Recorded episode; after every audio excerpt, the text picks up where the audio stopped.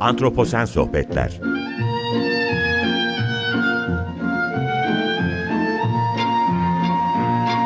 Hazırlayan ve sunan Utku Perktaş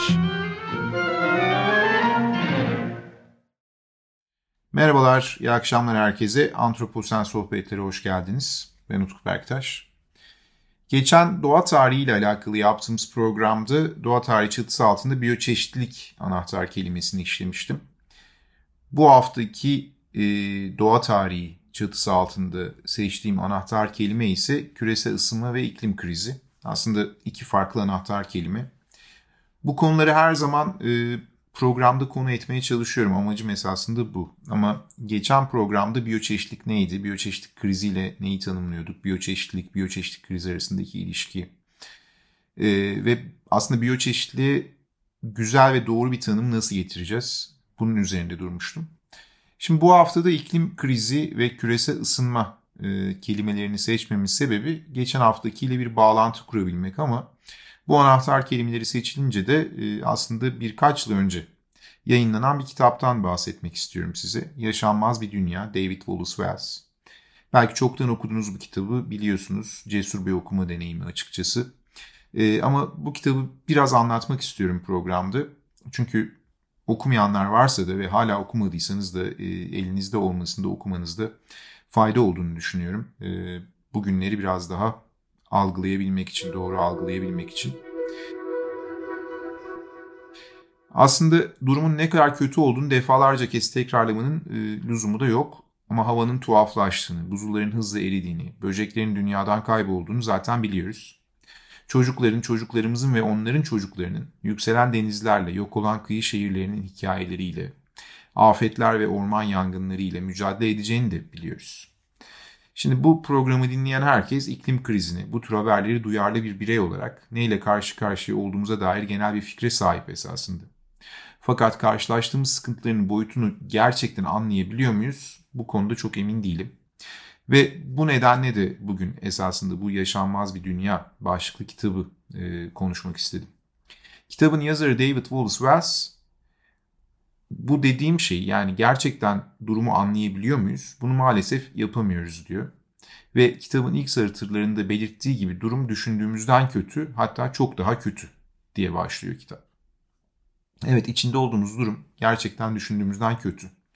Ve kötüye doğru da gidiyor eğer önlem almazsak. Çünkü iklim krizinin önüne geçebiliriz, durdurabiliriz. Küresel ısınmanın önüne geçebiliriz ama biyoçeşitlikten bahsettiğim zaman biyoçeşitlik krizinin önüne geçsek de kaybettiklerimizi kazanamıyoruz. Şimdi David Wallace bu kitabı e, yazarın aynı ismiyle yazdığı bir makaleden sonra yayına hazırlanmış. Bu makale sanıyorum New Yorker'da yayınlanmış. Uzun bir makale. Wallace Wells e, uzun uzadıya yazarken yakın bir geleceğin muhtemelen bizim için neler getireceğine dair yaptığı tasvirlerde oldukça karanlık bir görüntü çizmiş. Gerek makalesinde ve gerek bu kitaptı. Ve bu kitabın kaos unsurları başlıklı en uzun bölümlerinden biri tek başına alt başlıkları olan bir bölüm. Açlık, sular altında kalma, sıcakla gelen ölüm, solunamaz hava ve iklim çatışması gibi bilim insanları tarafından öngörülen felaketlerin her biri Tanrı'ya karşı dürüst bir panik atak başlatmak için de oldukça yeterli olduğunu düşünüyor David Wells. Bu kitap ayrıca okuyucu iklim krizinin yakın gelecekte getireceği tehlikelere karşı rehavetten kurtarmak için de yeterli bir içeriğe ve anlatım şekline sahip. Örneğin e, ben hep derslerimde kullanıyorum ya da yaptığım söyleşilerde kullanıyorum. Bu kitabı da bir, birkaç farklı söyleşi esasında konu etmiştik. Şimdi kitapta şöyle bir örnek var. Londra ile New York arasında gidip gelen her uçağın Kuzey Kutbu için 3 metrekare buza mal olduğu verilen istatistikler arasında. Şimdi bu noktada İstanbul'dan kalkan uzun mesafeli uluslararası uçuşları düşünmeden edemiyorum ben. Ve tabii daha uzun mesafeli uçuşları elbette.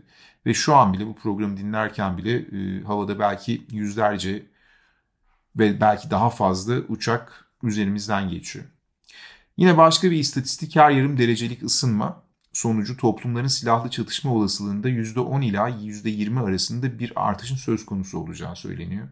Bunu aslında gördük. E, ba, Arap Baharı ile gördük. Arap Baharı iklim değişimi ile alakalı bir takım bilimsel yayınlara konu oldu ve Arap Baharı'nın temelinde yatan asıl problemin de küresel ısınmaya bağlı göç olaylarının e, başlaması şeklinde tartışıldı bu çalışmalardı. Ve dediğim gibi bu kitapta da bu istatistiğin altı çizilmiş. Şimdi küresel ısınmaya bağlı iklim değişimini 200 yıllık endüstriyel kapitalizm için bir geri ödeme olarak düşünmek yaygın bir eğilim.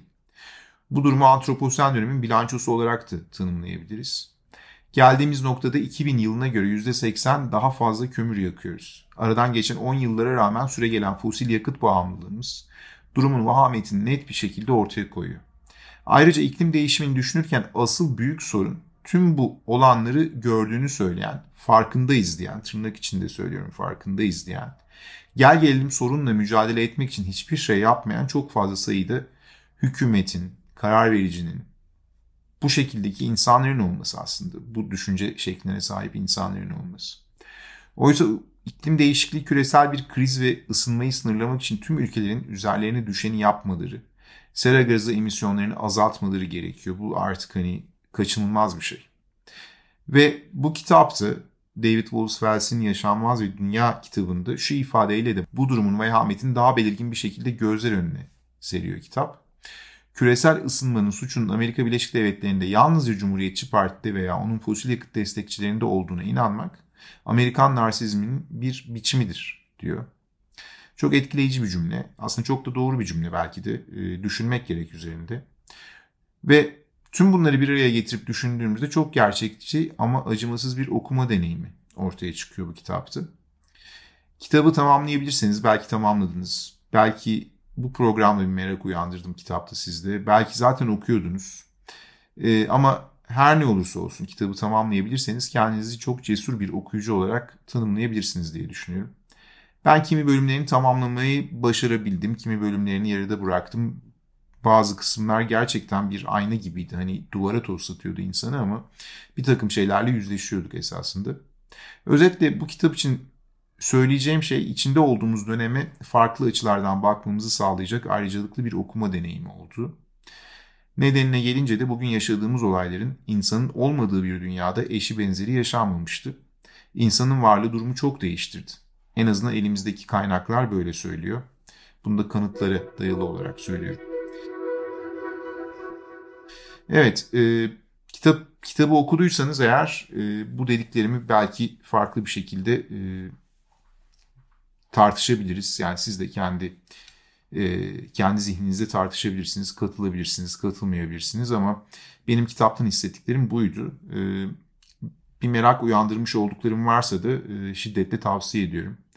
Geçtiğimiz programda bir bağlantı kurmak adına bugün e, iklim krizi ve küresel ısınma anahtar kelimelerini seçerek bu kitaptan bahsetmek istedim.